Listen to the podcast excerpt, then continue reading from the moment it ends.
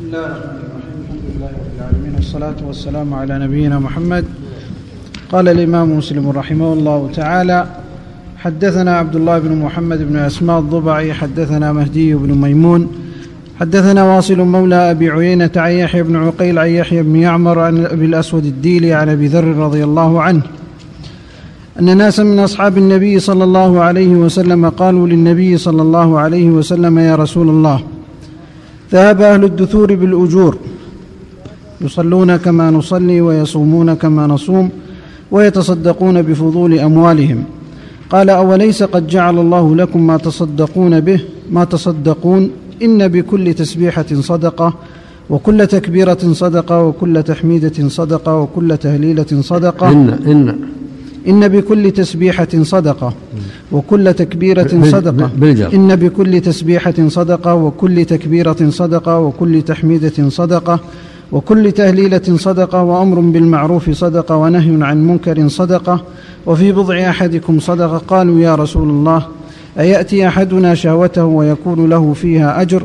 قال أرأيتم لو وضعها في حرام؟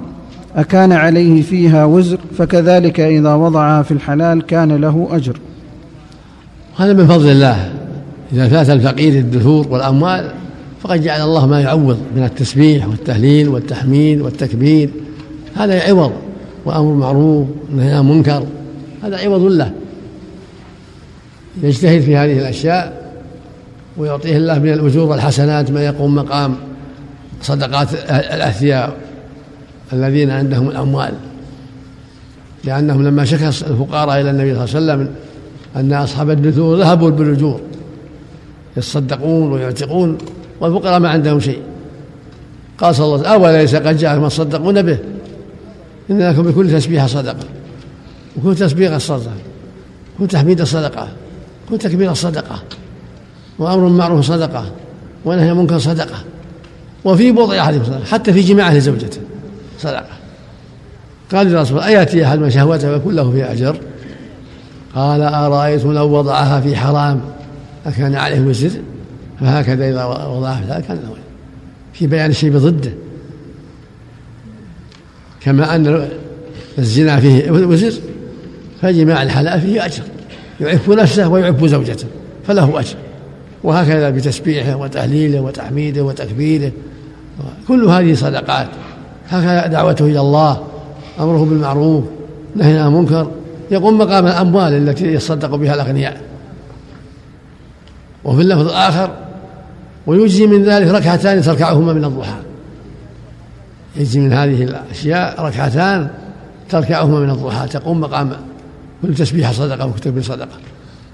هذا الفضل ركعتين من الضحى. وأنه يستحب للمؤمن أن يصلي ركعتين من الضحى وإن زاد صلى أربعا أو ستا أو ثمان أو أكثر كله خير. الضحى كله محل صلاة. إلى أن تقف الشمس. مع شرعية الإكثار من التسبيح والتحميد والتكبير والتهليل والاستغفار فكل هذا فيه صدقات وفيه درجات للعبد. قد يفوق بها أهل الدثور. إذا كثرت صدقات صلوات تسبيحاته وذكره فاق أهل الدثور. نعم عفى الله عنه لا يجوز سؤاله على ان المؤمن قد قد يؤجر ولو لم يحتسب كانه لم يخطر بباله ان يحتسب في هذه المساله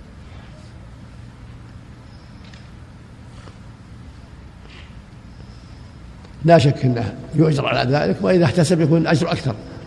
نعم نعم. حدثنا حسن بن علي الحلواني حدثنا أبو توبة الربيع بن نافع حدثنا معاوية يعني بن سلام. مثل ما أنه إذا أدى حق زوجته وأنفق عليها يؤجر وإذا احتسب هذا كان أجره أكثر. نعم الله المستعان. نعم. حدثنا حسن بن علي الحلواني حدثنا أبو, تيبة أبو توبة الربيع بن نافع حدثنا معاوية يعني بن سلام عن زيد أنه سمع أبا سلام يقول حدثني عبد الله بن فروخ أنه سمع عائشة رضي الله عنها تقول إن رسول الله صلى الله عليه وسلم قال إنه خلق كل إنسان من بني آدم على ستين وثلاثمائة مفصل فمن كبر الله وحمد الله وهلل الله وسبح الله واستغفر الله وعزل حجرا عن طريق الناس أو شوكة أو عظما عن طريق الناس وأمر بمعروف أو نهى عن منكر عدد تلك الستين والثلاثمائة السلامة فإنه يمشي يومئذ وقد زحزح نفسه عن النار. قال أبو توبة وربما قال يمسي. وهذا في مثل ما تقدم. كل إنسان خلق على 360 مفصل. كل إنسان خلق على 360 مفصل. فإذا سبح الله وحمد الله وكبر الله وذكر الله وتصدق وأمر معروف ونهى ممكن بعدد هذه المفاصل أمسى وقد زحزح نفسه عن النار لأنه أدى حقا عظيما عنها يرجو به ثواب الله عز وجل. نعم.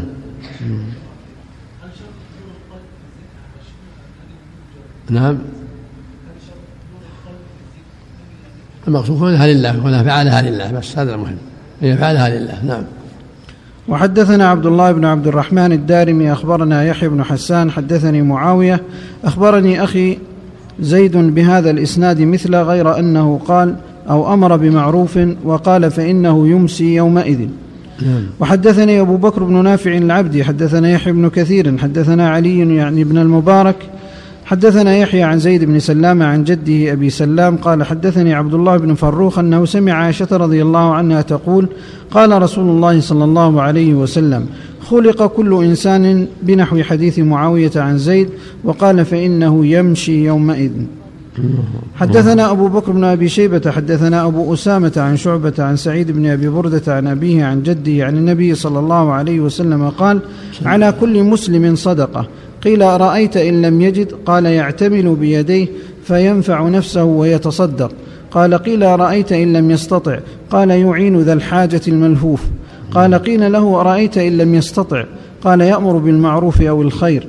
قال أرأيت إن لم يفعل؟ قال يمسك عن الشر فإنها صدقة. وهذا فيه تنبيه النبي صلى الله عليه وسلم أن المؤمن عليه صدقات بما أعطاه الله من النعم والخيرات عليه الصدق بما استطاع. إلى رسول الله فإن لم يجد قال يعمل يعمل بيديه فينفع نفسه ويتصدق يتكسب يبني يحصد يخيط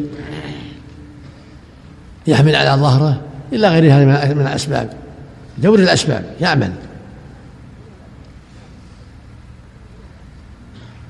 قال فإن لم يستطع قال يعين الحاجة الملهوف يعين على حاجته. على قضاء وطره على غير هذا. قال فإن لم يستطع قال يكف شره عن الناس. يكف شره بركة. فإن صدقة من نفسه. واللفظ الآخر يأمر بالمعروف وينهى عن المنكر. نعم. أحسن الله عملك يا شيخ. قوله على كل مسلم صدقة. ظاهره الوجوب أنه يجب عليه. حسب طاقته حسب الطاقة. الصيغة تفيد التأكد. نعم. وحدثنا محمد بن المثنى حدثنا عبد الرحمن بن مهدي حدثنا شعبة بهذا الإسناد. وحدثنا محمد بن رافع حدثنا عبد الرزاق بن همام حدثنا معمر عن همام بن منبه قال هذا ما حدثنا أبو هريرة عن محمد رسول الله صلى الله عليه وسلم فذكر أحاديث منها وقال رسول الله صلى الله عليه وسلم كل سلام من الناس عليه صدقة. كل يوم تطلع فيه الشمس قال تعدل بين الاثنين صدقة. وتعين الرجل في دابته فتحمله عليها أو ترفع له عليها متاعه صدقة. قال والكلمة الطيبة صدقة وكل خطوة تمشيها إلى الصلاة صدقة وتميط الأذى عن الطريق صدقة. وحدثني القاسم بن زكريا حدثنا خالد بن مخلد حدثني سليمان وهو ابن بلال حدثني معاوية بن أبي مزرد عن سعيد بن يسار عن أبي هريرة رضي الله عنه قال قال رسول الله صلى الله عليه وسلم ما من يوم يصبح العباد فيه إلا ملكان ينزلان فيقول أحدهما اللهم أعط منفقا خلفا ويقول الآخر واللهم أعط ممسكا تلفا. وهذا فيه الحث العظيم على الإنفاق ولو قليل ملكان ينزلان كل صباح. يقول أحدهما اللهم أعط منفقا خلفا ولو قليل ولو أنفق ريال ولا ريالين اللي ينفق والثاني البخيل اللهم أعط ممسكا تلفا. هذا في الحث على النفقة والإحسان والجود وأن الله يخلف عليه وأصدق من هذا وأبلغ. قوله تعالى وما أنفقتم من شيء فهو يخلفه وهو خير الرازقين. هكذا يخبر الله هو الصادق وما أنفقتم من شيء فهو يخلفه وهو خير الرازقين. وما تقدموا لأنفسكم من خير تجدوه عند الله هو خيرا وأعظم أجرا. وأنت أيها البخيل على خطر حتى الملك يدعو عليك كل ومن يبخل فإنما يبخل عن نفسه. ما ما بخلت عن الناس بخلت عن نفسك. وضره يعود عليك. ومن يبخل فإنما يبخل عن الناس ما بخل عن الناس. ضرره عليهم.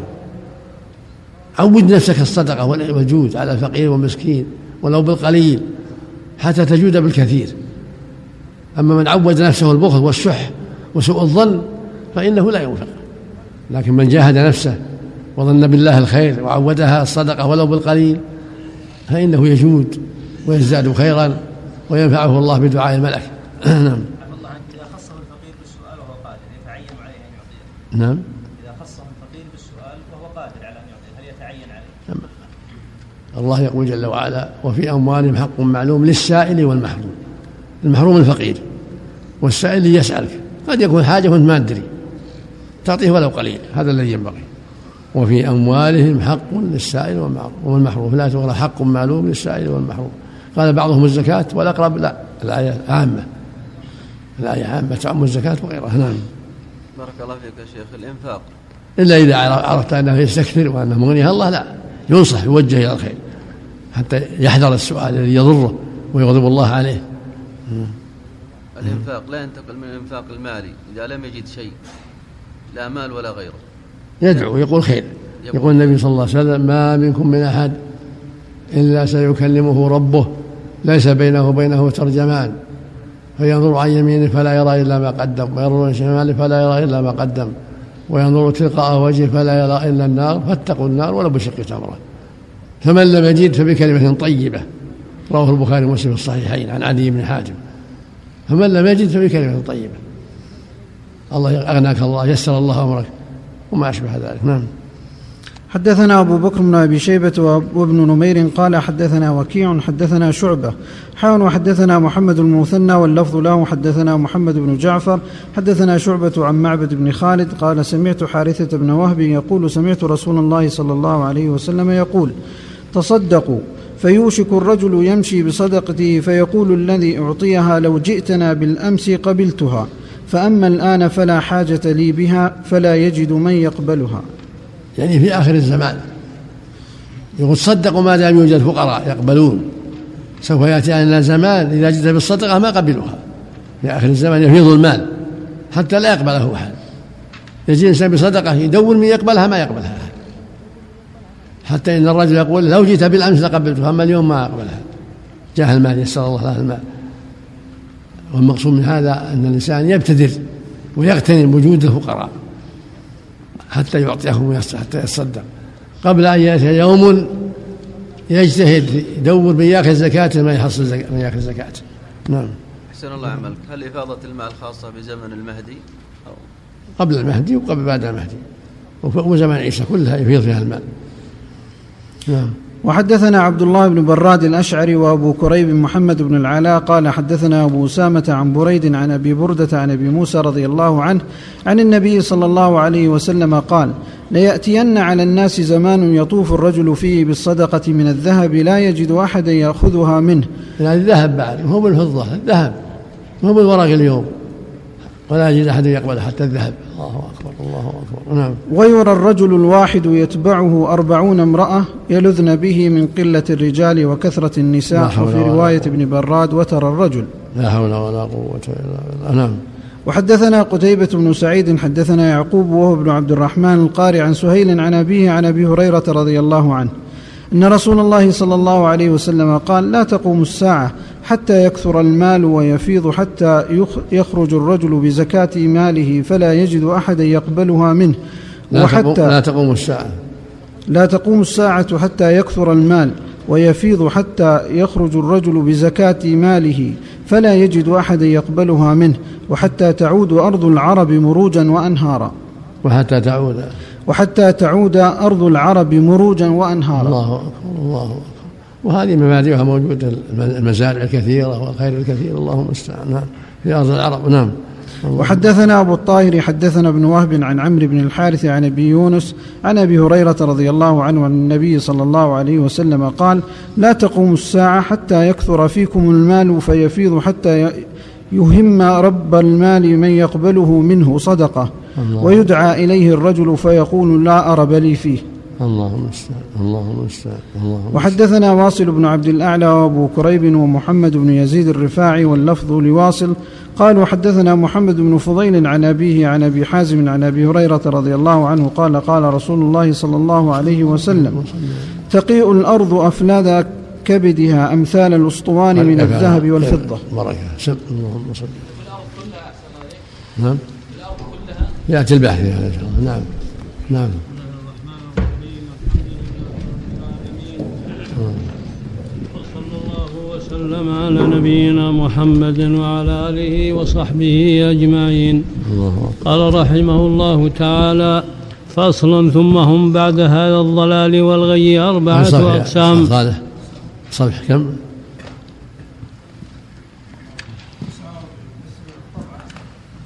كم؟